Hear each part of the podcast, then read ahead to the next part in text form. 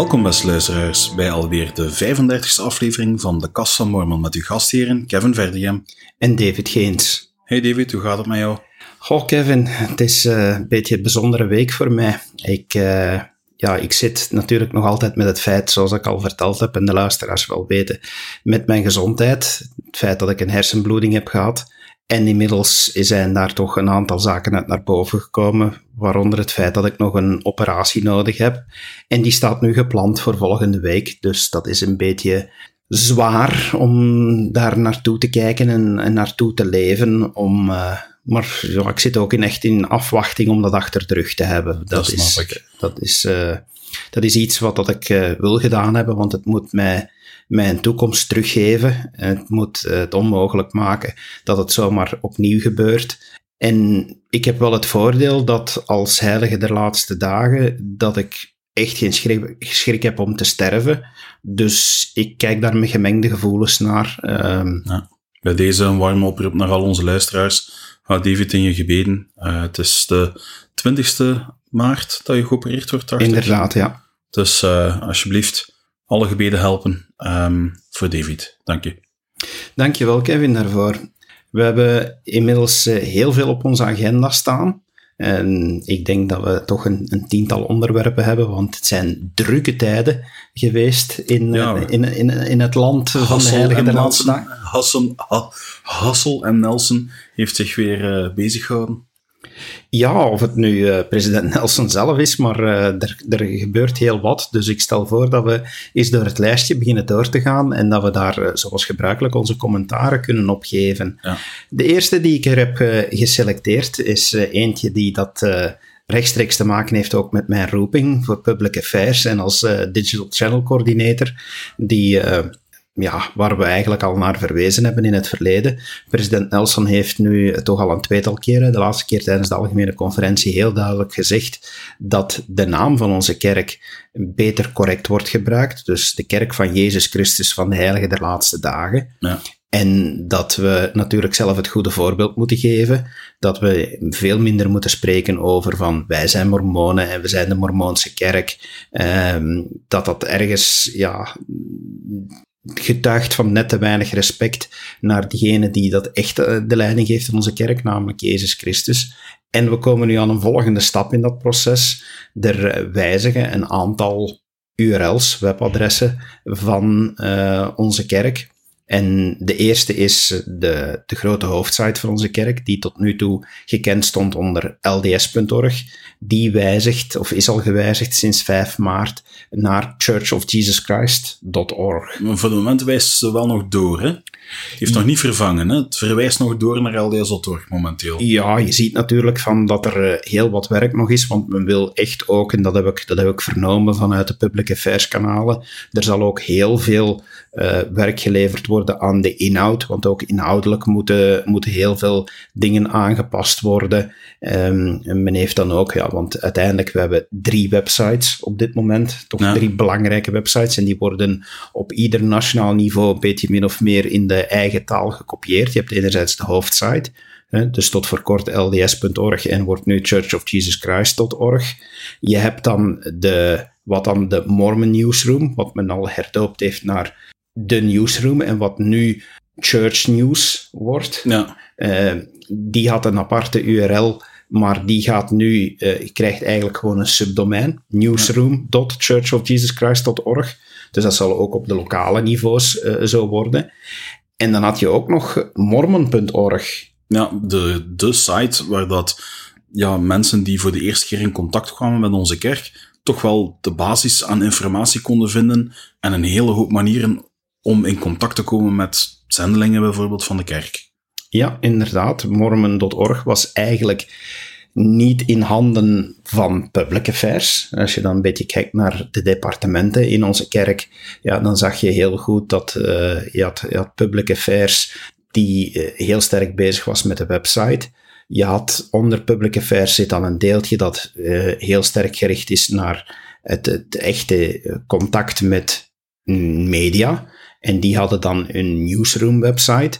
Maar je hebt dan ook het missionary department, die dat de communicatie aan, allee, leiding geeft aan de communicatie naar niet-leden. Ja. En die hun website was moment.org en die verdwijnt uiteindelijk.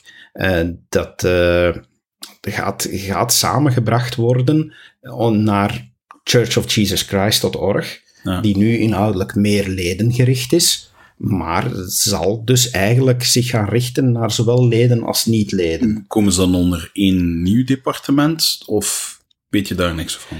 Wel, daar heb ik nog geen officiële dingen over gehoord, maar ik kan wel al zeggen dat uh, reeds een jaar geleden ik, uh, en, en meer dan geruchten, want ik heb het gehoord van iemand die er echt bij betrokken was, en op dat moment was het een overweging dat de nodige departementen zouden samengevoegd worden om, ja. dat, om dat meer te gaan, ja, gaan reflecteren. Ja. ja. niet zozeer dat missionary department dan zou gaan samenvloeien met public affairs, maar dat dan wel binnen public affairs de, de public affairs en de uh, publishing department um, zouden samengevoegd worden. Publishing department zijn diegenen die meer verantwoordelijk zijn voor het beeldmateriaal en de filmpjes.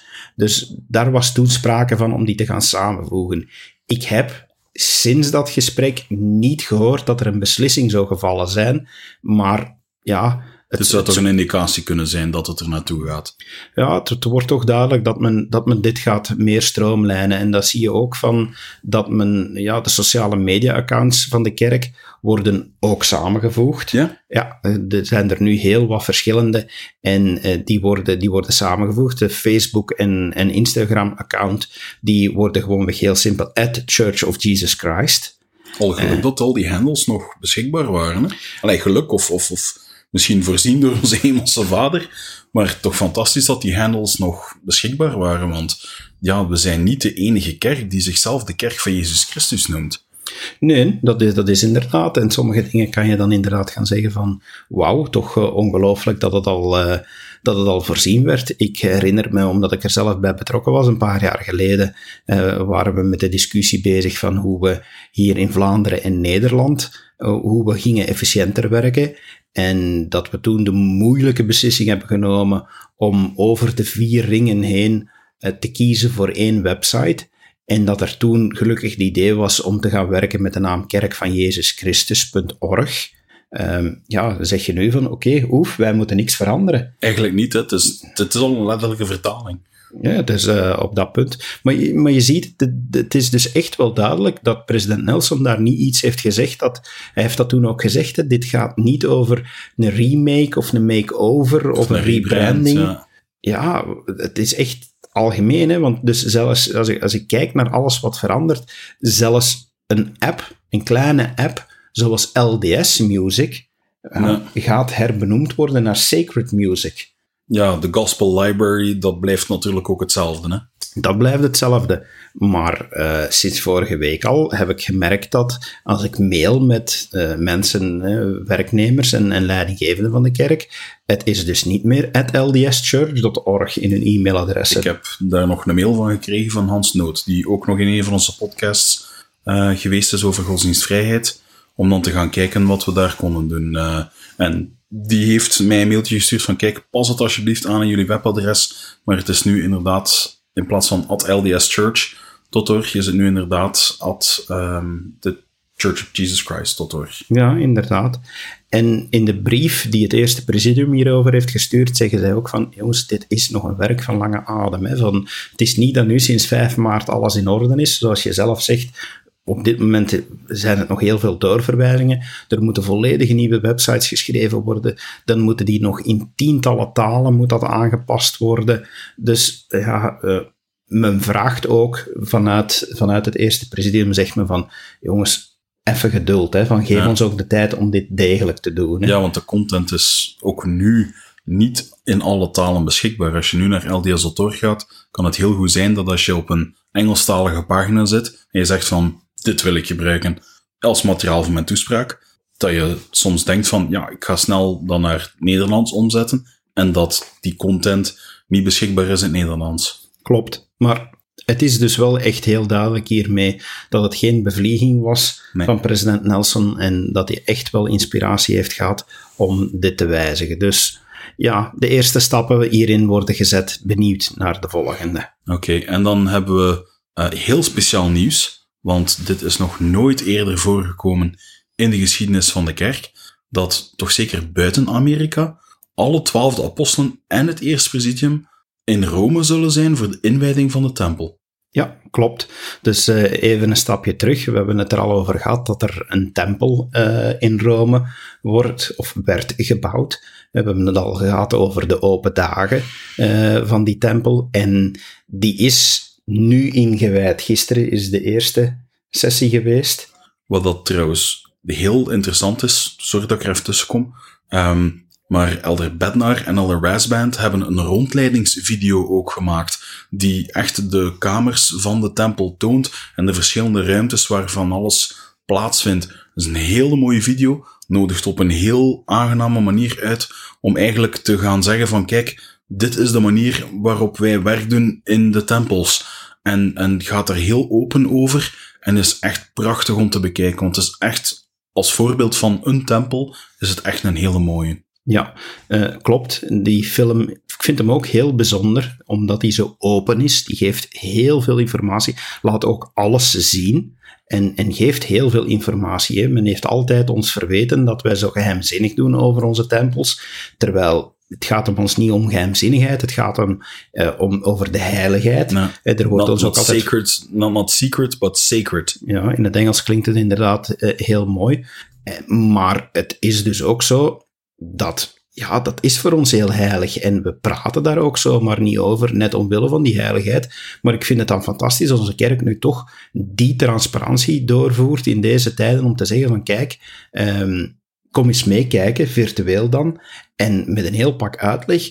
En niet zomaar, hè. het zijn niet zomaar de eerste twee beste, het zijn twee apostelen die de uitleg geven. Dat... Je, je voorafgegaan door president Nelson zelf, hè? ook al. Dus je ziet van dat men dit echt wel belangrijk vindt. En ja, ik vind, vind het heel mooi. Je ziet dat onze kerk aan deze tempel heel veel waarde hecht. Het is de grootste op het Europese vasteland. Groter dan, dan Londen? Ja. Ja, ja, ja, Londen, is, Londen is een grote, hè? Nee, deze is nu de grootste. Uh, ook de grootste compound. En ja, de kerk vindt het zelf heel speciaal, want ze zeggen ook, dit is de eerste keer dat wij een tempel plaatsen in een stad waar originele apostelen hebben uh, gewerkt. Juist. En Paulus bijvoorbeeld. Ja, en Paulus en Petrus. Ja. En ik heb uh, delen gelezen van het inwijdingsgebed dat president Nelson gisteren heeft uitgesproken in de tempel. Ja. En daar wordt expliciet naar die twee apostelen ook verwezen. Dat is fijn.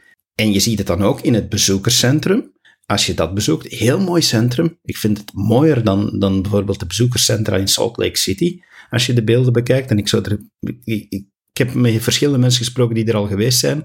En Rome is sowieso een van mijn lievelingssteden. Als mijn gezondheidsproblemen achter de rug zijn, is dit gegarandeerd het eerste waar ik naartoe ga. Maar dus in het bezoekerscentrum staat wederom dat hele gekende beeld van Jezus Christus, wat algemeen wordt vereenzelvigd met onze kerk, hoewel het originele beeld eigenlijk in een kerk in Denemarken staat. Ja, een protestantse kerk, dacht ja. ik. Maar daar staat ook, in die kerk in Denemarken staan daar ook de twaalf beelden van de originele twaalf apostelen. Ja. En men heeft dus toestemming gekregen om deze mogen te repliceren op ware grootte. En die staan dus ook alle twaalf in het bezoekerscentrum in Ja, de Christus centraal en een halve boog eromheen, die twaalf apostelen. Ik vind het fantastisch mooi. Ja, maar om maar te laten zien van onze kerk vindt vind dit echt heel belangrijk, van dat men nu in Rome deze tempel kan openen. En dat ondersteunen ze door, zoals jij terecht zei, van de eerste keer in de geschiedenis uh, van onze kerk, die toch al 188 jaar beslaat, dat het volledige eerste presidium en het quorum der twaalf apostelen op een plek buiten Amerika samenkomen. Ja, dat is heel speciaal. Um, we zullen zeker ook eh, in, de, in de notities en in de, op onze pagina, uh, een, op onze Facebookpagina, een link zetten naar dat filmpje het is iets van een tien minuten lang, maar het voelt geen tien minuten, omdat het zo mooi en vlot gaat eigenlijk. Het is inderdaad, en het is nu louter nog maar in het Engels, maar ik heb uh, de dag nadat dit uitgekomen was, als uh, medewerker in Public Affairs voor Vlaanderen en Nederland, heb ik onmiddellijk gevraagd, jongens, ik wil dit ondertiteld hebben. Want Ja. dit is zo belangrijk, hier wil, moeten we mee aan de slag gaan. Dus ik hoop dat er binnenkort ook een ondertitelde eh, versie gaat zijn. Je weet, ik hou ook van cijfertjes. ehm, dus als we zeggen volledig eerste presidium en het quorum der twaalf apostelen, dan praten we over 15 mannen. Ja. Ja, dus eh, ze zijn alle 15 nu in Rome aanwezig. Dat wil niet zeggen dat we ze alle 15 tegelijk in beeld gaan zien ergens. Ik vermoed van niet, want je hebt altijd het risico op een aanslag bijvoorbeeld. Eh, Het klinkt misschien wat pretentieus dat we zeggen van wij zijn belangrijk genoeg om een aanslag op te plegen, maar er zijn genoeg mensen die het slecht menen met, met onze kerk. En ja, als je die allemaal, zij dragen allemaal de sleutels tot het hele koninkrijk. Alleen de president mag die actief gebruiken. Maar dat wil wel zeggen dat stel dat er een aanslag gebeurt en die komen alle 15 in één keer om, ja, dan moet er al, moet de Hemelse Vader alweer een bezoek gaan brengen vanuit de hemel, zoals in de tijd van Jozef Smit, om bepaalde sleutels terug te gaan herstellen op aarde. En dat kan toch niet de bedoeling zijn? Nee, inderdaad. En vandaar dus dat het gebruikelijk is dat, er, eh, dat men nooit, tenzij de wekelijkse vergadering op donderdag in, in de Salt Lake eh, eh, tempel zelf, Ja. ja, zitten ze nooit alle 15 samen. Er zijn sommige mensen die dat misschien nog niet gerealiseerd hebben, maar kijk zelfs maar naar de algemene conferentie en begin maar eens te tellen. Er ontbreekt altijd minstens één van de apostelen. Ja, dat is een beetje designated survivor, net Ja. zoals in, in het Witte Huis. Er is altijd iemand die, eh, die wat apart wordt gehouden. Dus ik vermoed dat men dat nu in Rome ook wel zal doen. En nog andere cijfertjes. Eh, in 2002 is het nog eens gebeurd dat ze alle 15 eh, op één plaats samen waren. En dat was voor de tempelwijding in eh Nauvoo. En eh, daarvoor moet je eigenlijk vaststellen dat die 2002 was de eerste keer trouwens ook dat de, de, het volledige leiderschap van onze kerk samenkwam voor de eerste keer buiten Salt Lake City sinds 1956. Ja. Want de keer daarvoor was de inwijding van de Los Angeles tempel en dat was dan de tiende tempel die ingewijd werd. Ja. Dus eh, ja, het geeft toch maar aan van, van hoe belangrijk eh, dit alles is. En ja, eh, ik, vind, ik vind het toch wel, wel heel speciaal dat, dat onze kerk zegt van, ja jongens, let nu toch maar eens op, hè, de, de plaats waar originele apostelen hebben teruggelopen, ja, daar zijn nu vandaag terug apostelen. ja. Dat is symbolisch veelbetekenend eigenlijk, hè? Ja, ik vind, ik vind het enorm en ik vind dat, eh, dat daarmee ook blijk geeft dat onze kerk daar, daar zoveel eh waarde aan hecht en, en dat ook zo heel duidelijk naar buiten brengt van dit is toch niet zomaar iets waar dat je licht kan overgaan. Nee, absoluut niet. En dat brengt ons eigenlijk bij het volgende onderwerp, ook wederom iets uniek, Dat is nog nooit eerder gebeurd, voor nog nooit eerder gebeurd. Ja, Je zou denken van wel, hè. Ik, mijn vrouw dacht dat president Hinckley dit alles had gedaan. nee, het is, het is nog nooit. Dus ja, spanning, tromgeroffel. De paus heeft met onze president gesproken. Ja. Allee, of omgekeerd. Ja, ik vermoed dat ze met elkaar gesproken hebben. Hè, van, ja, het gaat niet eh, geweest zijn van... Ik kan me niet inbeelden dat de paus heeft gezegd van... Hé, jij daar profeetje zitten en luisteren. Ja, en ik kan me ook niet inbeelden dat onze profeet zo onbeleefd is geweest om Nee. te zeggen van... Hé, ik moet u van hierboven iets komen vertellen en nu ga jij eens moeten luisteren. Maar ik, ik weet niet wie dat de instigator geweest is. Ah, dat is wel heel duidelijk. Is dat gekend? Ja, ja, ja. Van, ik weet niet of het in de publieke communicatie staat. Ik heb het alleszins gezien in, in communicatie die zeker niet bedoeld was om geheim te houden. Maar het is eh, op uitnodiging van de paus geweest. Ah, dat is mooi. Ja. Het is, eh, hij heeft, hij heeft Ja, laten weten van, Ook kijk... daar extra veel betekenis voor het feit dat we nu een tempel in Rome hebben, die voor velen toch als de bakermat van het christendom beschouwd wordt. Hè?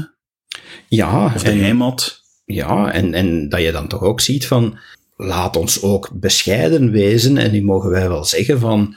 Ja, wij als heiligen der laatste dagen, van wij geloven dat we de ware kerk zijn. Maar laat het ons in perspectief stellen, wederom met cijfertjes. Wij 16 miljoen, katholieken 2 miljard. Ja, maar hoeveel gaan er elke zondag actief vanuit de kerk? Dat zal nog altijd een groot verschil zijn. Ja, maar even Maar- dan bij ons, hè, want dan kan je gaan zeggen van, er zijn cijfers die zeggen van, dat van die 16 miljoen er maar een derde effectief actief, Actief naar de kerk gaat. Ja. Dus ja, ja dat, het blijft in verhouding staan. Hè. De katholieke kerk is honderden keren groter dan onze kerk. Hè. Van, ja. dus dat dan de leider van, van de katholieke kerk de leider van onze kerk uitnodigt voor een gesprek, dan zeg ik, wauw, dankjewel. Ja. Dat vind, ik, dat vind ik toch heel mooi. En blijkbaar, als we dan ook zien van, eh, president Nelson heeft, eh, wanneer hij het Sint-Pietersplein verlaten heeft, heeft hij toch een aantal dingen er willen over zeggen. En ik vond het zo prachtig dat hij, dat hij daar zei van, kijk, ja, er zijn verschillen in doctrine. En die verschillen die zijn belangrijk. Maar die zijn belangen niet zo belangrijk als al de dingen die we gemeenschappelijk hebben. Zoals onze bezorgdheid over het feit dat mensen uh, in problemen kunnen zitten. En over het, over het belang van uh, geloofsvrijheid uh, in, in alle delen van de samenleving en in alle maatschappijen. En ook het belang van, van bruggen bouwen, van vriendschapsbanden op te bouwen tussen onze kerken. En zeker, en ik vond zijn woordkeuze heel bijzonder. Ja, vergevend dat ik daarop, op, dat ik daarop hamer, maar dat hij, hij zei het natuurlijk in het Engels, instead of building walls of segregation. Ja, ja, goed, ik wil nu niet zozeer even kijken naar de Amerikaanse politiek, waar dat, dat op dit moment speelt, maar in heel de wereld ja, speelt dat toch dat we, dat we vaak uh, muren bouwen tussen volkeren. Ja, en dat hij zegt van, ja, laat ons dat niet tussen onze kerken gaan doen. Ja. Um, maar de kerk heeft in het verleden ook al heel dikwijls samengewerkt met de katholieke kerk. Ik kan me herinneren, ik dacht dat in Ethiopië was, dat er zo extreme hongersnood was. De kerk die had de middelen om die hongersnood te gaan um, verlossen, maar niet het distributiekanaal. De katholieke kerk had op dat moment wel het distributiekanaal, maar niet de middelen, dus niet de grondstoffen om die mensen te kunnen voeden. En dan is daar gewoon samengewerkt. Hè. Dan heeft de kerk gezegd van, kijk hier, wij komen jullie, in jullie warenhuizen, in jullie pakhuizen, komen wij, het, uh, komen wij het opslaan. En alsjeblieft, laat het ons samen bedelen. Laat ons samen die armoede en die, die hongersnood de wereld uit helpen. Dus dit is een mooie verderzetting daarvan. Tuurlijk, onze kerken doen al heel veel samen. En ik denk dat, uh, dat, dat deze ontmoeting daar alleen maar van, van getuigt, van, van wederzijds respect. Um, ik zou wel graag een vleeg op de muur geweest oh, zijn. Oh, mij nog niet. hey, yo, Popie, ah, profeteke. ja. ja, ik vermoed dat dan... Nee, dat nee? zie ik zo nog niet gebeuren. Nee. Dus hoe zou het dan gegaan zijn? Zo van, hey, van, heb jij hem nog gesproken vannacht? Of uh, wat heeft hem tegen u gezegd? Nee, ook niet? Nee, ik weet het niet. Ik denk dat er maar redelijk veel respect zal gebeurd zijn. En waarschijnlijk ook met de nodige... Um, hoe moet ik het zeggen? De katholieke kerk pakt dingen graag theatraal aan. En ik vermoed dat... Theatraal is met, met het nodige decorum. Ja, zou ik het dan dat, is, dat is het woord dat ik zocht. Dank u. Um, met het nodige decorum. En ik kan me inbeelden dat daar... Ja, ik vraag me dan af, hebben ze dan president uh, Nelson laten wachten in een of ander kamertje totdat de, de paus klaar was om hem te ontvangen en zo van die dingen. Ja, dat zal wel. Ja, ja, ongetwijfeld. Maar ik wil maar zeggen van ja, ze zouden ook kunnen zeggen van kijk, we gaan die mensen, we gaan die binnenleiden. En, maar er zijn mensen die, ja, als je verhalen leest van, van vroeger, dat was niet ongebruikelijk dat iemand die een audiëntie wou, daar drie dagen mocht quasi gaan kamperen in een kamer voordat hij ja, de, de, de, belangrijke persoon te spreken kreeg. Ik kan me niet moeilijk inbeelden als ze er drie uur hebben nu zitten wachten. Nee, zeker niet. Ik weet dat ze ongeveer 30, 35 minuten uh, in gesprek zijn geweest of bij elkaar zijn geweest. En uh, president Nelson was niet alleen. Hij was vergezeld door uh, president Ballard, dus acting president van de Quorum van de Twaalf Apostelen. En dat ook elder Massimo De Feo, een, een algemene autoriteit, een zeventiger, en elder Alessandro Dini Ciacci, uh, die gebiedseventiger is. Italiaan, in andere woorden. Ja, ja, een Italiaan. Dat die erbij was en dat uh, president Nelsons uh, eigen secretaris, Mark Woodruff, was er ook bij. Ah, ja. Dus die waren erbij. Ze hebben, hebben een tolk nodig gehad? Uh, de paus zal wel Engelsmachtig zijn, toch? Dat denk ik nu wel, dat de, dat de paus uh, wereldkundig genoeg is om, om Engels uh, te hebben. Ze hebben ook geschenken uitgewisseld om, om naar zulke feitjes te gaan kijken. En president Nelson heeft, heeft eigenlijk ja, twee cadeautjes gegeven. Hij heeft ja, de, de, kleine versie van het Christusstandbeeld, waarover dat we het al hadden. En het boek van Mormon? Nee, daar, is niet over gesproken. Ik denk dat het een beetje beledigend zou geweest zijn. Ja, en ik misschien denk, wel. Ja. president Nelson is zulke fijne kerel dat hij dat zeker niet gedaan heeft. Maar wel, en vind ik toch heel tekenend, ehm, hij heeft wel de, eh, de familieproclamatie naar de wereld. En dus eh, die heeft hij jouw cadeau gedaan aan de paus. Ah, ja. Ja? En dan vraag ik me zo af van, hmm, dat is toch zo even van... Zo in een Ja. kadertje van een IKEA of zo. Ik denk nu niet in een kadertje van de IKEA, maar ik vond dat dan toch wel opmerkelijk van, ja, hoe, de katholieke kerk is ook een, een kerk die heel veel belang hecht aan, aan families, maar toch een groot verschil van, ja, eh, onze profeet die is, ge- heeft, is getrouwd en heeft een familie en de paus niet. eh, Ja, dat kan misschien wel gevrongen hebben. ja, maar ja, dan ook weer heel fijn eh, om te kijken van eh, onze president heeft van de post dan ook twee cadeautjes, cadeautjes gekregen en zijn dan ook twee declaraties geweest, dus twee geschriften, zijn de één en dat vind ik dan toch des te opvallender, hè, de, de visie van eh, Paus Franciscus over familie, Mooi. Heel mooi. En de visie van Paus Franciscus over eh, het, eh, het moslim, allee, het islamgeloof.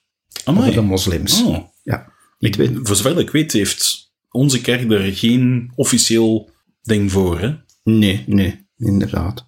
Well, er zullen wel zeker studiewerken over bestaan. Tuurlijk, Onze kerk maar- is, is ook een geweldig instituut dat over alles eh, een mening heeft, maar eh, daarom die niet altijd naar buiten brengt. Ja.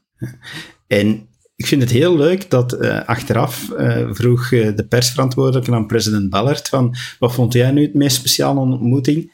En weet je wat dat hij heeft geantwoord? Nee, zeg maar. Het moment dat die twee elkaar omhelst hebben. Dus dat president Nelson en, en, en paus Franciscus elkaar een goede knuffel hebben gegeven. Oh, dat is mooi. Ja. Dat is mooi. Ja. Eh, ik heb aan het zoeken geweest, maar zover ik heb eh, kunnen vinden, ook niet met eh, Google Translate, want mijn Italiaans is niet zo schitterend, maar ik heb geen statement gevonden van, van het Vaticaan over een ontmoeting. Ja. Ik denk dat het al heel mooi is dat ze dat überhaupt gedaan hebben. Want ze zouden inderdaad kunnen zeggen van, och, jij vlo, bij wijze van spreken, met u willen we ons niet mengen. Zeker ook omdat, zoals we in onze vorige podcast ook al aanhaalden, ehm, dat ja, de, de doop, dat die kwestie daar, hè, we hebben het er in onze vorige podcast Klopt, over ja. gehad, ehm, dat ondanks dat verschil, dat daar toch die ontmoeting geweest is op uitnodiging van de paus. Ja. Dat vind ik wel heel tekenend, een heel mooi. Eén klein dingetje dat, dat, dat bij mij enorm hard opviel, eh, als ik de persteksten aan het lezen was dit weekend, was dat eh, president Nelson zei van, ja, ik heb hem uitgenodigd om een keer eens ook bij ons langs te komen in Salt Lake City en om eens eh, te komen naar onze Rome-tempel. En dan heb ik zoiets van, meent je dat nu? Je hebt die daar uitgenodigd van, en je weet dat dus volgens de regels van onze kerk de paus ook die een tempel nu niet meer binnen mag, nu dat die ingewijd is. Van, Ah ja, gaat dat dan niet een beetje awkward zijn? Zo van, eh, eh, eh, tot hier en niet verder, hè. Je mag hier in het wit gekleed staan, maar je komt er niet in, hè. Ja. ja, ja, misschien wel. Ja, dus, eh, Misschien dan ze zeggen, voor zo'n hoge Piet, daar maken we een uitzondering voor en we gaan die daarna wel opnieuw inwijden in, in, in, stiekem zo. Ik weet het niet. Van, dat is zo van, dat denk ik zo van, oeh, dat zou toch wel eens iets raar kunnen, zijn, geven. Had ik zoiets, dat had ik nu niet Want het is, verwacht. het, is, het is niet binnen Vaticaanstad gebouwd, neem ik aan. Het is in, Rome zelf, hè? Natuurlijk, het is, het is zeker niet binnen Vaticaanstad. Het is, het is binnen Rome, maar niet ver van elkaar, hè. Nee? Nee, nee, nee, het ligt niet ver van elkaar. Nog een quizvraag. Hè, van, we moeten, eh, eind van het jaar moeten we, moeten we quiz hebben. Ik heb er al zo dikwijls naar, naar verwezen, dus onze luisteraars moeten daar maar notities van beginnen te maken. Van, wie was de hoogste in ranking eh, heilige der laatste dagen, leider, die al een paus ontmoet had voor dit gebeuren? Ik vermoed toch wel een apostel, niet? Zo, dat was zeker apostel, ja. Eh, nog niet zo lang geleden, van, om het antwoord maar in één keer te geven. In eh, november 2014 eh, hield het Vaticaan een interreligieus, interreligieuze bijeenkomst over familie en huwelijk. Mhm. En een van de voornaamste sprekers daar was president Eyring, die op dat moment nog eerste raadgever was in Ja. het eerste presidium. En hij is op die bijeenkomst verwelkomd door Paus Franciscus. Ja, juist. Dus eh, je ziet dat toch eh, in het recente verleden daar al goede contacten eh, werden gelegd en dat die band alsmaar verder uitgediept wordt. Dus ja, we, we zullen zien van, zo, ik denk, de volgende stap is van, eigenlijk de laatste dagen nemen katholieke kerk over of zo. big merger, acquisition. Ja, er kunnen altijd ontslagen vallen hè, bij zo'n merger. Ja, je weet maar nooit. Hè, van, dus, ja, we, we zien wel van, ja, boeiend. Boeiend, in ieder geval boeiend, ja. Um, in het nieuws dat we dan te bespreken hebben, minder leuk nieuws. Uh, als we naar een ander land gaan, Rusland. Uh, een land waar dat uh, religieuze vrijheid toch wel onder druk komt te staan. Ja, want, Vertel jij even wat er daar wel, gebeurd is, Kevin? Het was al even zo dat ja, zij worden ook als vrijwilligers bestempeld, niet als zendelingen. Wie, wie wordt als vrijwilligers bestempeld? Sorry, je hebt gelijk. Om het verhaal even te, te vertellen, er zijn twee vrijwilligers van de kerk, eigenlijk zendelingen, zijn gearresteerd geweest ehm, in een stad nabij de Zwarte Zee. En ja, zij worden ervan beschuldigd om Engelse les gegeven te hebben, terwijl het dat niet mocht. En ehm, ja, het resultaat is dat ze gaan gedeporteerd worden. Ehm, Het komt, het komt al een beetje als een klap, want ja, zendelingen mochten al even niet meer ehm, als zendeling erop uitgaan. Zij mochten ook al even in Rusland niet meer van deur tot deur gaan, bijvoorbeeld. Ehm, en zijn dan ook gekend als volunteers, als vrijwilligers. Wat mogen ze dan eigenlijk nog wel daar gaan doen? Is dat Zij de mogen, dat we zij- daar zij mogen- vrijwilligers hebben? Ja, in die zin van als mensen zelf uitreiken naar de kerk, dan kunnen zij onderwezen worden door deze vrijwilligers. Ah ja, maar dat mag dus niet meer op straat gebeuren. Nee, je mag mensen niet meer op straat aanspreken, maar dat is trouwens niet alleen voor onze kerk zo, dat is voor eigenlijk elke, elk geloof dat publiekelijk evangelie aan het verkondigen was, dat niet het staatsgeloof is, zijn de ehm eh, Russisch-orthodox. Ehm, dat mag niet meer. Dus die mogen officieel geen zendelingen niet meer hebben, mogen er ook niet rondlopen, voor zover ik weet, met een naambordje. Dus je ziet dat, dat toch daar de vrijheid heel erg wordt Ja, ingeperkt. absoluut. eh, dat, eh, En nu Maar- zijn maar- twee maar van de- onze zendelingen, onze vrijwilligers eigenlijk, zijn gearresteerd geweest onder wat lijkt toch als een valse beschuldiging.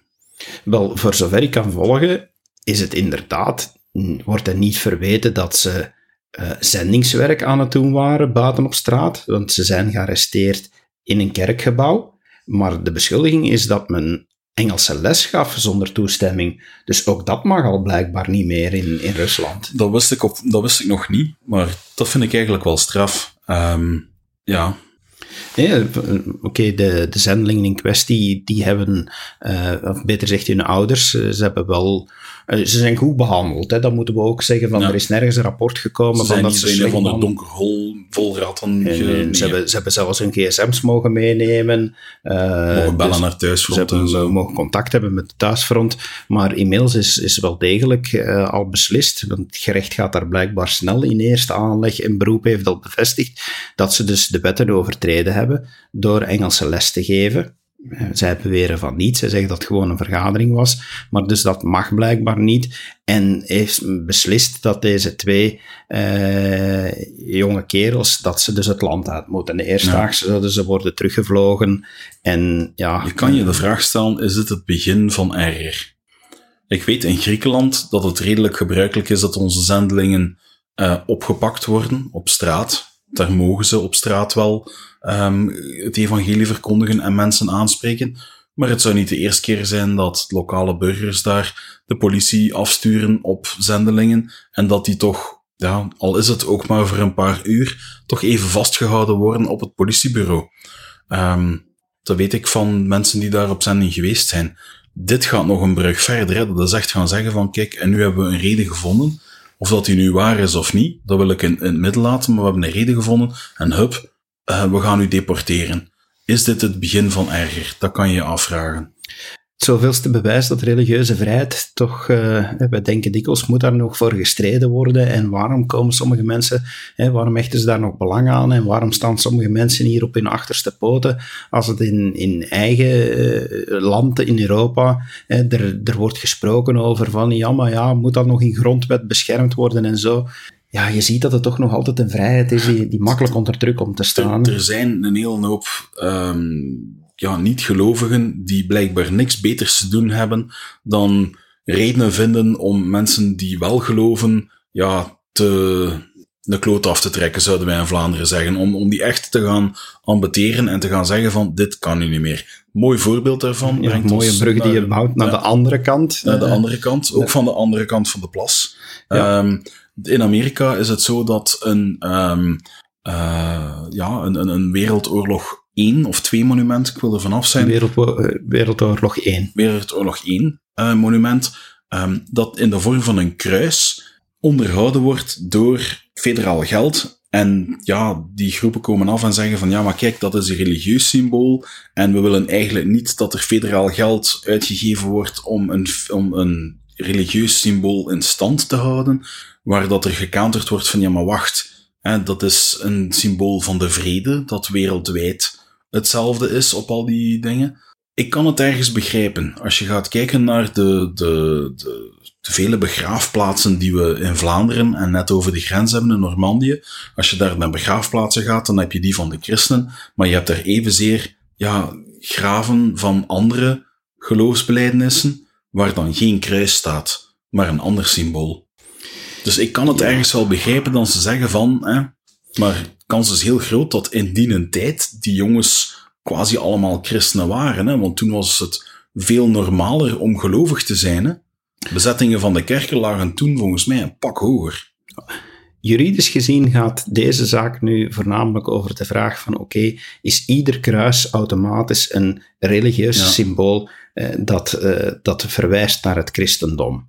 Uh, in, als ik in deze papieren ben gedoken, dan zie ik heel goed dat de argumenten zijn van, ja jongens, even terugkijken, Wereldoorlog 1, uh, een heel belangrijk wereldwijd conflict geweest, en toen werd algemeen als symbool van de vrede, werd een kruis aangenomen, omdat in de context, in de maatschappelijke context van die tijd, het christendom inderdaad de meest voorkomende religie was, en een religie die vrede preekt en daardoor heeft dat kruis ook de betekenis, of was dat het symbool van vrede? Het is al even geleden een ijzertoren.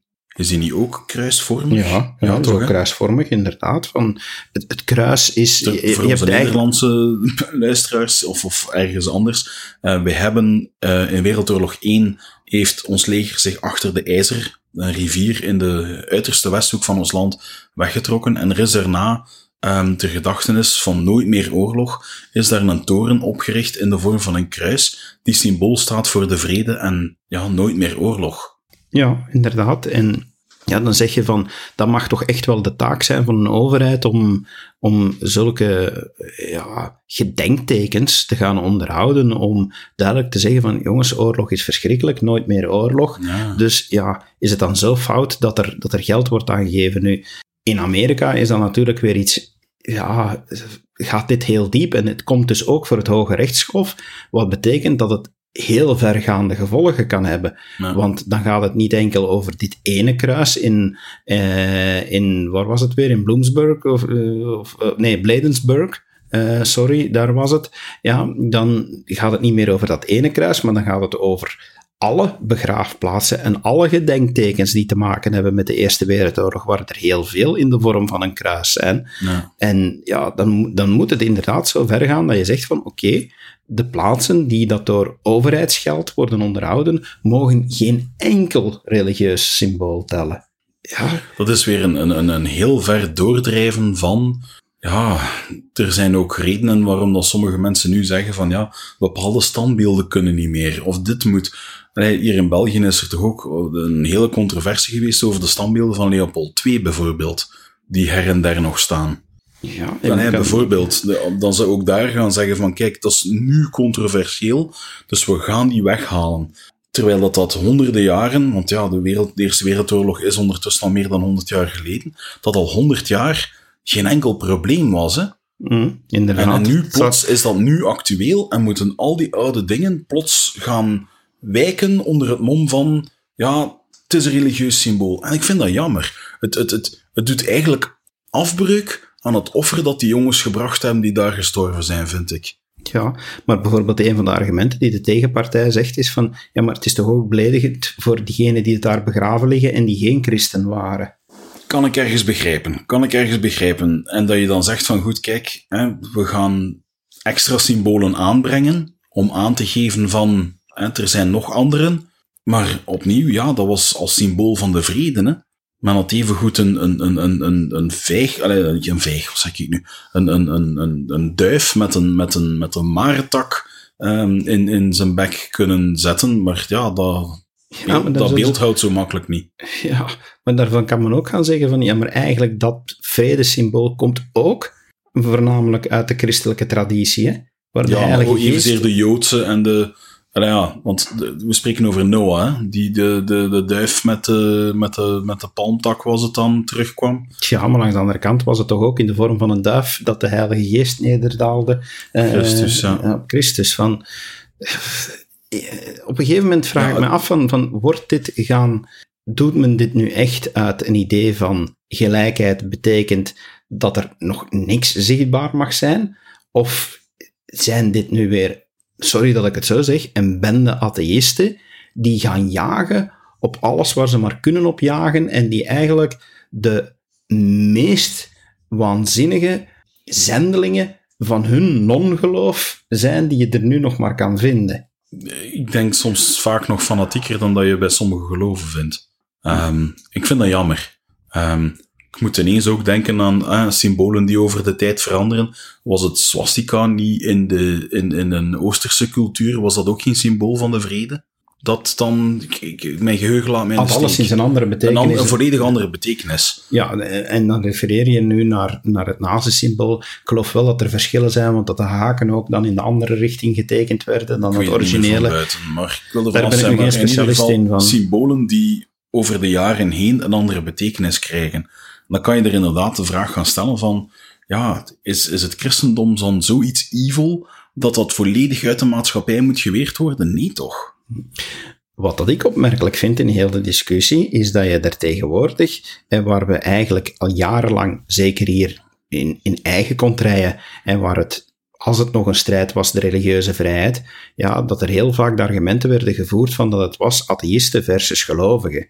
Wat dat je nu heel vaak, en ook hier in deze Amerikaanse case, zie je het opduiken, is dat men zegt van, jammer, dat de atheïsten eigenlijk tegen de gelovigen zeggen, beste tussen haakjes christelijke gelovigen, het feit dat we hameren op een volstrekt neutrale overheid, is ook een bescherming voor jullie want een overheid moet perfect neutraal blijven, want anders krijg je het risico van wat ga je doen de dag dat de islam, die wel degelijk vanuit hun geloof een visie heeft dat geloof en politieke overheden moeten samenvallen, dat die ergens een meerderheid gaan bereiken en dat die wel weer een staatsgodsdienst willen gaan opleggen.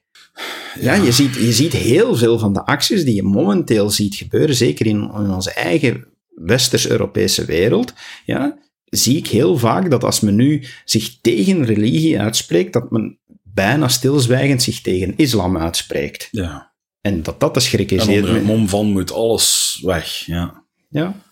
We hebben het hier al zoveel over gehad, het zal, het zal blijven. Het blijft ook een eh, erfgoed dat deel uitmaakt van onze cultuur. Ja, maar... ja het, is, het is geen gemakkelijke kwestie en ja, daar zal iedereen zijn eigen idee over hebben.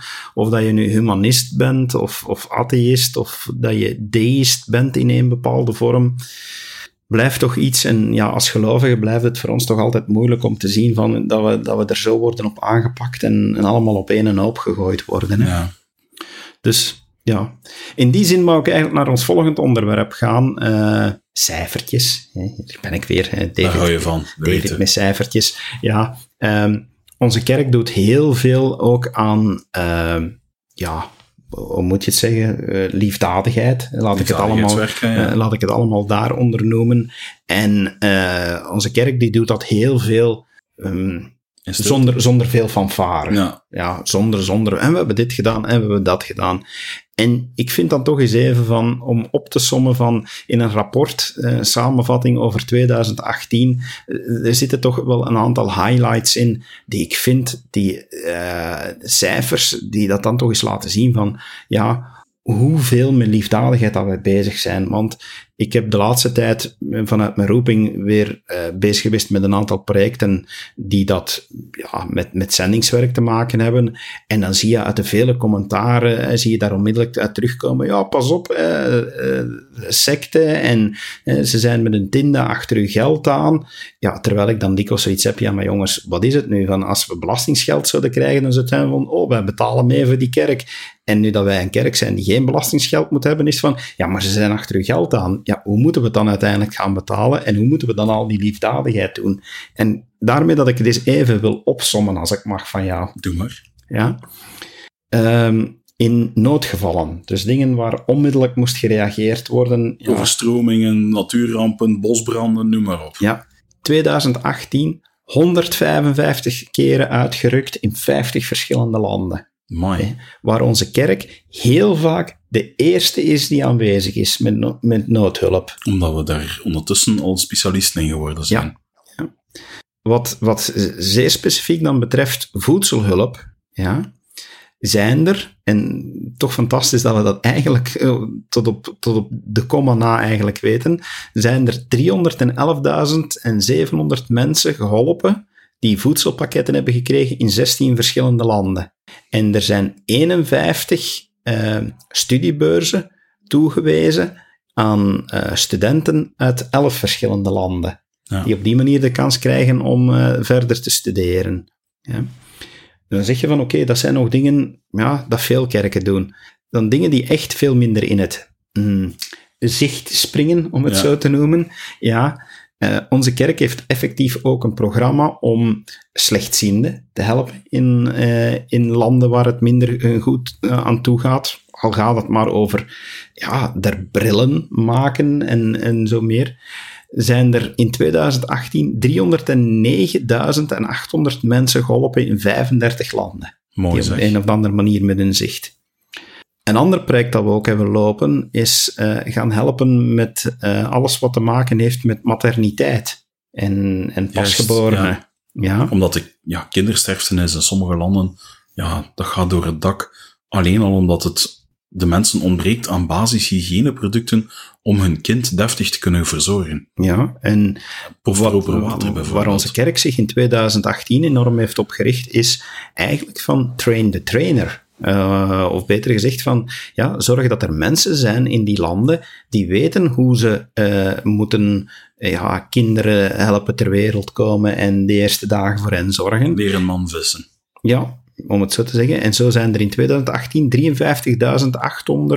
uh, verzorgers opgeleid in 39 landen. Fantastisch. Ja, dus dat is nog een veelvoud daarvan, van jonge moeders die nadien geholpen worden doordat de mensen die hen gaan begeleiden bij de geboorte, doordat die een degelijke training hebben gehad. Uh, alles wat dat met water te maken heeft, proper water, zowel om te kunnen drinken als het uh, nadien zuiveren van, van water, uh, zijn er een aantal projecten uitgevoerd die meer dan 657.000 mensen hebben geholpen in 28 landen. Mooi. En men is ook bezig met in uh, zeven landen lopen er campagnes om te werken aan vaccinatie. Toch iets waar de laatste tijd weer veel rond te doen is. Ja? Dus... Ik, ik zou er zoveel op kunnen zeggen. Laat dat een discussie zijn voor een ander soort podcast. Ja. Maar ja, ik, persoonlijk vind ik het fantastisch dat er zoveel naar gedaan wordt. Want daar wordt zoveel miserie mee de wereld uitgeholpen met die vaccinaties. Um, ik ben zeker dat dat waarschijnlijk zelfs een samenwerking zal geweest zijn met de uh, Bill and Melinda Gates Foundation. Hè?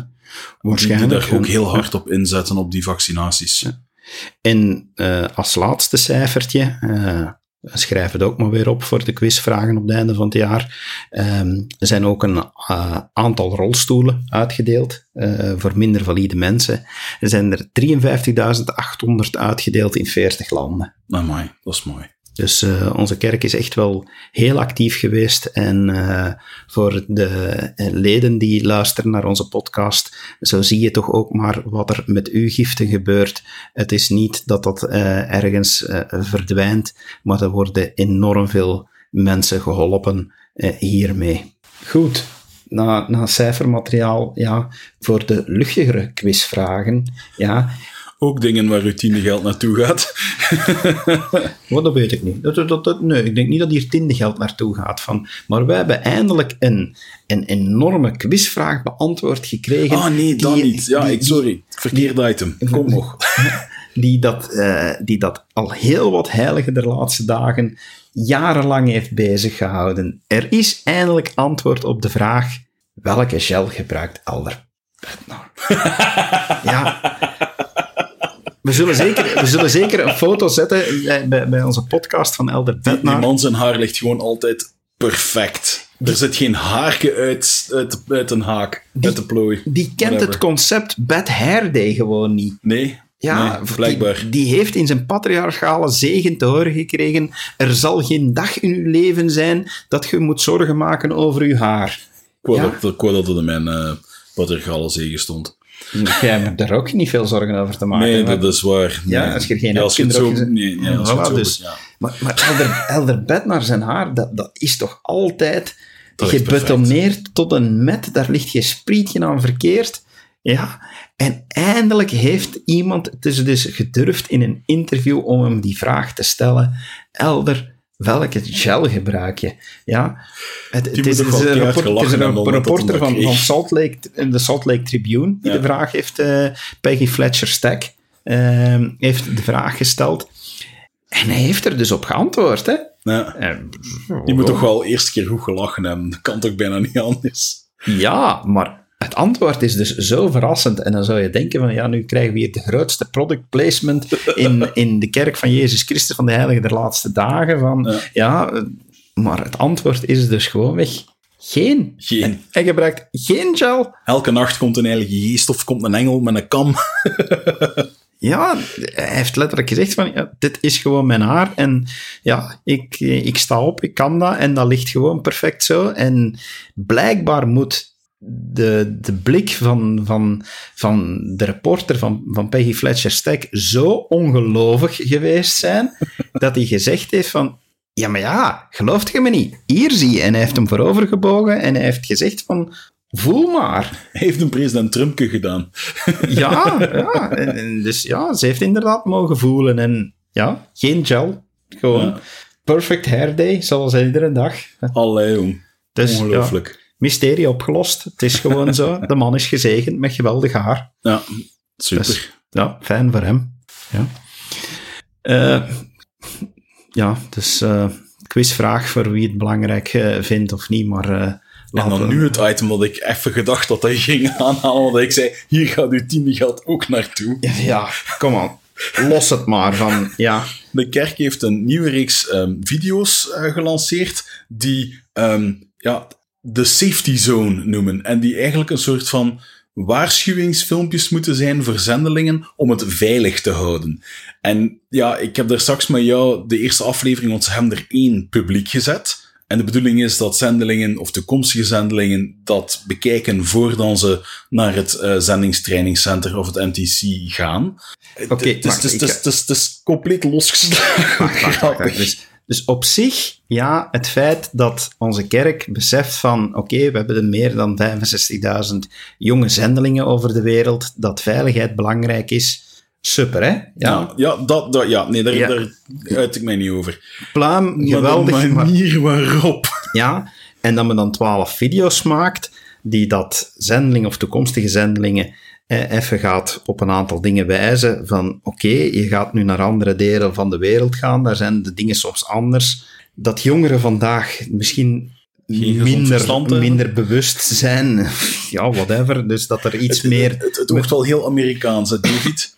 Waar dat er zo'n 30.000 waarschuwingslabels op staan hè, op hun producten. Ja, oké. En, en dat het nodig is, allemaal goed en wel. Maar inderdaad, we hebben die eerste aflevering van, van een serie van 12 staat dus publiek beschikbaar. We zullen het in de show notes zetten. Maar kom aan, jongens. Het is Ja. om een kriekbed lachen. Kijk, ik, ik mag dit toch wel vertellen toen ik u dit liet zien, want ik had het, ik had het op ons lijstje gezet van Ja. onderwerpen. Ja, jij dacht dat het iets satirisch was, hè? Ik dacht dat het satire was. Ja, dat het gewoon weg was Want van... het, het, het wordt ook op een bepaalde manier, dat moeten we even toelichten, ehm, aangekleed. Ze gaan dus, ehm, ze doen alsof dat het een, een ja, een talkshow is. Zo'n beetje gelijk dan ze in Amerika sportshows gaan um, becommentariëren. En dan gaan ze zo uit het leven gegrepen filmpjes van zendelingen, bijvoorbeeld die op een fiets zitten en die even niet opletten omdat ze naar elkaar kijken en dan knalt er een tegen een auto. Dan gaan ze dat zo gaan terugspoelen en gaan ze dat uitvoerig gaan bespreken, wat dat die verkeerd gedaan heeft. En ik kan snappen dat je zoiets hebt van, ja, in Amerika snap ik de mop nog wel, omdat mensen daar op die manier naar sport kijken, maar dit is toch niet iets dat je wereldwijd kunt zeggen van, dit cultureel, die mop komt over. Allee, ja. Ja, het is, het, is, het, is, extreem cheesy. Ik, ik ben lactose-intolerant. Mijn lactosemeter sloeg tilt. Ik vond het extreem cheesy. Laat ik het zo stellen, dan, dan wederom voor de Vlamingen onder onze luisteraars van... Ja, eh, als ik dit filmpje zo online zette en zeggen van dit is gemaakt door de ideale wereld, ja, dan zou je het geloven. Dan zou je het geloven hè, van, de, chapeau voor onze kerk dat ze humor durven gebruiken. Maar, maar, maar dit, ja, sorry, deze, deze vind ik echt.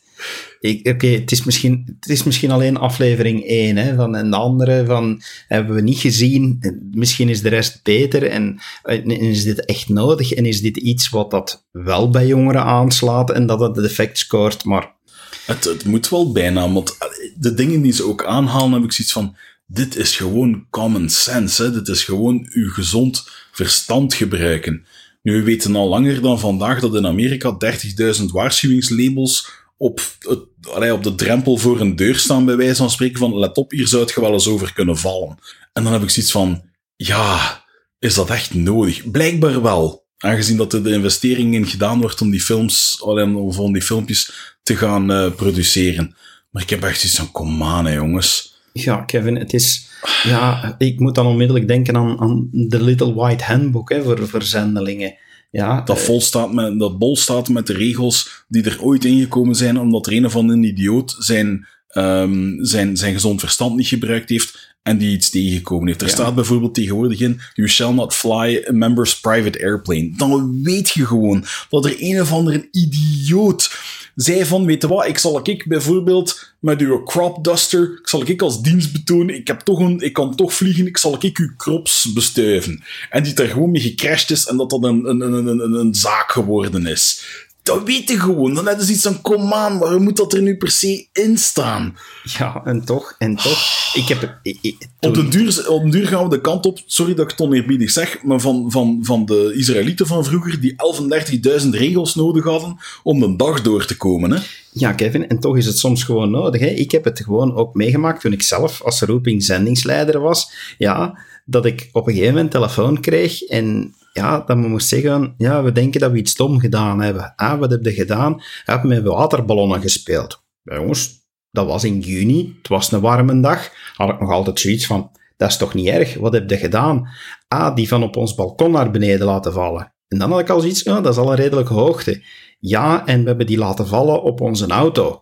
En, onze voorraad is gewoon... Nee, geen bluts. De voorraad was er gewoon weg helemaal in. Iemand had die op de voorraad laten, uh. laten. En die voorraad was gewoon weg ingevallen. ja, die was er in zijn geheel gewoon weg onder gewoon de druk. niet bij stilgestaan of van op zo'n hoogte water dat sowieso niet compresseert, dat dat wel een keer een impact zou kunnen hebben. Maar ik weet het dus niet, maar ik zou graag eens een nieuwe versie van het witte boekje zien, want vertelde geld staat daar niet in van You shall not drop water balloons on your car.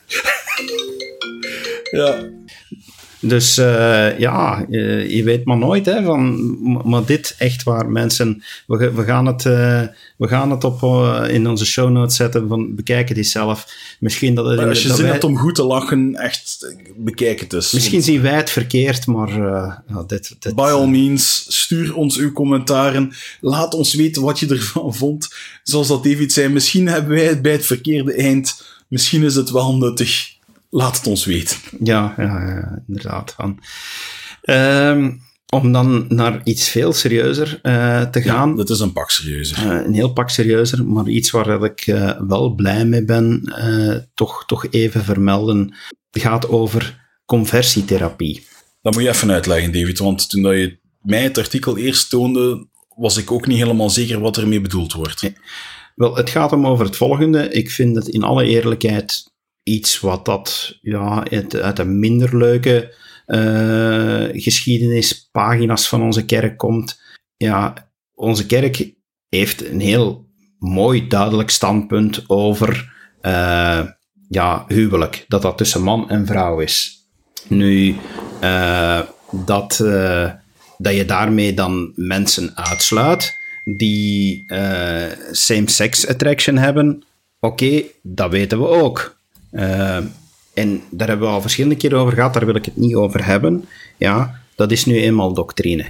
Maar waar dan het helemaal fout gaat, of fout ging, want gelukkig is onze kerk daarin in veranderd, is dat mensen met de same-sex attraction, ja, dat die naar een conversietherapie werden gestuurd, zijnde van, oeh, je hebt homofiele gedachten, we gaan van u een keer eens een hetero maken.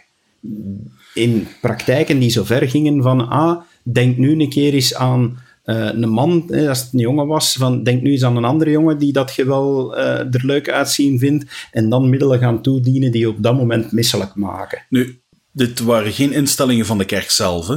Nee, geen instellingen van de kerk, dit waren dit, is niet dat de, Het is niet dat de kerk therapeuten inhuurde om dit soort dingen te gaan doen, hè? Nee, dat waren zelfstandige therapeuten, maar het was wel beleid van de kerk om tegen jongeren die kwamen aan een bischop bekennen van kijk, ik sukkel daarmee, ja. dat de bischop als advies gaf, ah, ga naar die een therapeut, want die zal met u, die zal zorgen... Een therapeut die dit soort dingen doet, ja. ja. En ik ben nu heel blij. Onze kerk heeft jaren geleden al duidelijk gezegd van jongens, uh, dit is een standpunt waar we niet meer achter staan. Uh, heeft heel duidelijk nu ook een standpunt ingenomen dat men zegt van kijk, uh, het is niet makkelijk voor mensen die een same-sex attraction hebben. we blijven wel bij de doctrine dat huwelijk tussen man en vrouw hoort.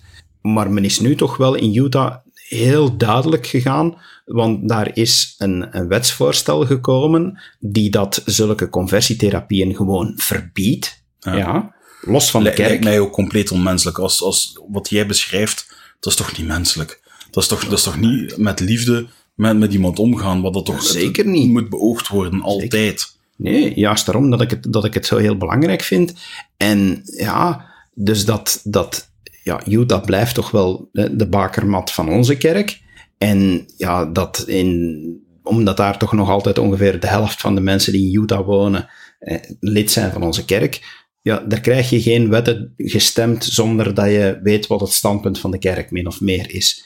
En onze kerk heeft heel duidelijk gezegd van, wij steunen dit wetsvoorstel, want conversietherapie, ja, dit kan echt niet. Dus ja, wij gaan zeker geen oppositie voeren tegen deze wet, van laat die maar aangenomen worden en dit moet echt verboden worden. Dus vandaar dat ik zeg van way to go en wil ik het hier eens heel duidelijk herhalen. Ja, je bent niet fout als je homo, lesbienne of whatever ook is van, ja, dat maakt jou als mens niet fout en, en moeten we als, jou als mens niet moeten gaan veranderen. En dat is niet het standpunt van onze kerk. Nee, absoluut. Punt uit. Laat ons daar heel duidelijk over zijn. En weet to go dat het nu ook een keer eens heel duidelijk gemaakt wordt in zulk officieel standpunt. Absoluut. Ja. Uh, om dan stilaan af te ronden, uh, Kevin, het laatste puntje uh, dat nog op de agenda stond. Um, wel ook weer heel leuk om te eindigen. Een tijd geleden hadden we het over uh, het feit van dat onze kerk uh, vierde dat uh, we al 40 jaar geleden hebben ingezien dat ongeacht je huidskleur dat je belangrijk bent. En we hebben toen nog een heel mooi interview gehad met broeder Odro, als je dat kan herinneren. Ja, um, Emmanuel Odro. Ja, op dat moment onze kerk die ook aankondigde om in Amerika met een aantal organisaties veel nauwer te gaan samenwerken. En te kijken van, ja jongens, we moeten dit niet alleen zeggen, we moeten dit ook effectief doen. Eh, we moeten wat dat fout gelopen is in het verleden, ja, laat dat nu eindelijk achter ons liggen en we moeten naar de toekomst kijken. Was heel duidelijk het standpunt op dat moment. En dat men nu eigenlijk uh, de daad bij het woord heeft gevoerd. Van, ja, Misschien moet jij het vertellen, Kevin. Van, uh... Ja, de kerk heeft eigenlijk ja, heel veel geld gestoken in een um, familiegeschiedeniscentrum voor, specifiek voor mensen die destijds, of die afstammen van slaven, of mensen die vanuit echt donker Afrika nog naar, um, naar Amerika gehaald geweest zijn, om daar als slaaf te leven. Um, wat dat eigenlijk, ja, het is ongelooflijk wat dat, dat allemaal kan teweegbrengen. Inderdaad, uh, kerk geeft 2 miljoen dollar aan het uh, Center for Family History in uh, Noord... Carolina. nee, South, South, Carolina. South Carolina ja, inderdaad. Die van de echt Zuiderse staten, waar ja. dat slavernij toch echt wel ja, hoogtij vierde. En waar er heel veel aan land kwamen, dus toch ook wel een punt uh, dat daar was. Maar wat ik heel bijzonder vind, is dan dat er, dat er inderdaad zo mooi wordt op gereageerd vanuit de gemeenschap uh, zelf, van, van, uh, zoals wij toen geleerd hebben, van anders gekleurde medemensen. Ja. ja. dat men heel duidelijk wederom niet eens blijft stilstaan bij wat er in het verleden fout is gebeurd, maar bij het feit dat onze kerk nu inderdaad stappen onderneemt om het allemaal beter te doen. En dan heb je eh, bij, bij de opening van dat uh, center uh, was Martin Luther King III aanwezig, de zoon van Dr. Martin Luther King Jr. Ja, de tweede. Ja, ja toch wel, wel heel bekend. En die, die, die daar heeft gezegd van, ja, we kunnen eigenlijk niet genoeg stilstaan van hoe groot dit gebaar is en van wat er hier vandaag gebeurt, hoe groot dat het is en dat we, dat we samen met de kerk van Jezus Christus van de Heilige der Laatste Dagen, dat we dit samen kunnen ontwikkelen.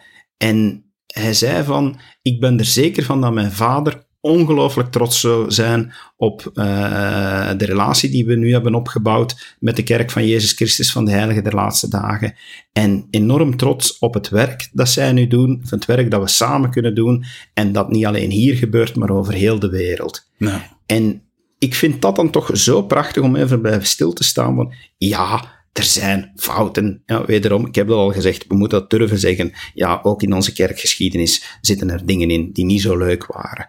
Maar als we kijken naar wat we nu doen en hoe dat we het nu aanpakken, dan zeg ik toch van, ik ben trots om lid te zijn van deze kerk. Ja, absoluut. Ja.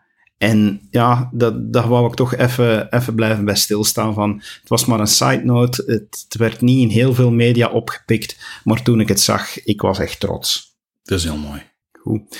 Kevin, vaste uh, rubrieken om mee te eindigen. Uh, we hebben spijt genoeg weer geen aankondigingen binnengekregen. Nee, geen lokaal nieuws. Dus ook geen lokaal nieuws. Hopelijk de volgende keer weer ietsje meer. ik heb toch inmiddels wat zien binnenkomen de laatste dagen in onze agenda dat we nu niet meer verwerkt kregen. Dus dat zal voor de volgende keer zijn. Um, nog heel snel om te eindigen. Zonlicht in je hart. Ja. Heb jij een, eh, een zonlicht in je hart meegemaakt? Ja, um, mensen gaan zeggen van hij is daar weer. Um, maar ik was enorm geraakt door um, de toespraak die ik deze zondag gehoord heb uh, van zuster de Koster. fantastisch mooie toespraak die ging over het... sorry, ik krijg ineens een hoest. die ging over ja, het, het, het met de hoest ben ik mijn draad kwijt. Um, in ieder geval, het was heel mooi. Het heeft me echt tot denken aangezet. Um, en, en ook laten bewust om, bewuster omgaan uh, met, met, met wie ik ben en, en ja, wat ik allemaal krijg van mijn hemelse vader. Ja, uh, mooi, mooi. Heel mooi. Zelf heb ik ook ja, toch, toch een mooie zonnestraal uh, in, in mijn leven gezien door te luisteren naar een toespraak van Brad Wilcox. Um, hij heeft al meerdere toespraken gegeven over uh, de genade van Jezus Christus en over ja, dat hij toch een aantal dingen rechtzet. Um, dat hij enerzijds zegt van ja, maak eens een verschil tussen wat de genade van Jezus Christus is en de verzoening. Ja, de verzoening is nodig, maar komt er door zijn genade. Zijn genade is iets wat er altijd is. En ja, hij zet eigenlijk een, een, een, een vrijgekende uitspraak in onze kerk een beetje recht. dat, er wordt heel vaak gezegd van, ik doe mijn best en de Heer doet de rest. Ja, dat, dat heel vaak wordt gezegd, de genade van, van Jezus Christus is dat wanneer ik heb mijn best gedaan, Hij terug aanvult zodanig dat we samen uh, de, de minimum uh, lengte bereiken om door te mogen gaan. En dat is echt zo werkt het niet. Het is niet iets wat dat aanvult. Het is niet iets wat op het einde wordt gegeven. Hij zegt het is iets wat dat in het begin wordt gegeven en constant wordt gegeven om je doen te groeien. Het is een groeimiddel. En het is niet een aanvulling op, maar het is effectief iets wat dat u heel de tijd doet groeien. En het is het feit dat je groeit en dat je kiest om te groeien, dat zorgt dat je aan de eindmeet kunt kwalificeren. Ik heb het nu heel kort samengevat. Ik zal in de show notes zeker ook uh, de toespraak uh, mee linken. Maar echt wel uh, de moeite om blijven bij stil te staan. Mensen die dat sukkelen met iets, zoals ik nu in deze periode, en met, de, met die zware operatie die eraan komt en zo. Een, een toespraak die echt enorm kan helpen om, om toch eens te kijken van waarom geloven in het evangelie van Jezus Christus zoveel kan helpen om een beter persoon te worden. En dat, ja, mooi. Dat, dat vond ik toch echt wel de moeite waard om te vermelden. Dankjewel, David. Goed, daarmee komen we aan het einde van aflevering 35. Uh, eh, nog zoals steeds kan u ons een enorm plezier doen door een uh, review na te laten op iTunes, bij Apple Podcasts of in de apps die u gebruikt om deze podcast te beluisteren. Uh, bijvoorbeeld een sterretje in Overcast of zo. We zouden graag eens wat meer daarvan zien. Um, en zeker de reclame blijven maken voor onze podcasts, zodat we meer luisteraars krijgen. Dat zouden we heel fijn vinden. Wat we ook heel fijn vinden is om jullie commentaren en vragen te krijgen. Dus uh, geef ons nog eens uh, even het adres mee, Kevin. Je zeg maar, at dekastvanmormon.info. Je kan ook op onze Facebookpagina terecht. Um, ja, alle kanalen eigenlijk waar je op ons kan bereiken zijn goed. Um, onze Facebookpagina is het handigst om die allemaal te verzamelen. Je kan dus, zoals, uh, zoals ik zei, dus altijd ook e-mailen naar zeg het maar, at dekastvanmormon.info. Dankjewel, uh, beste luisteraars. We gaan er hopelijk snel terug zijn, want uh, het zijn drukke dagen in uh, het land van de heiligen der laatste dagen. Er gebeurt heel veel. We hebben nu alweer een aantal items al klaarstaan voor onze volgende episode. Dus blijf onze website in de gaten houden. Hou onze RSS-feed in de gaten, want aflevering 36 komt er hopelijk al snel aan. En dan zeggen wij gewoon weg. Tot de volgende keer. Dag.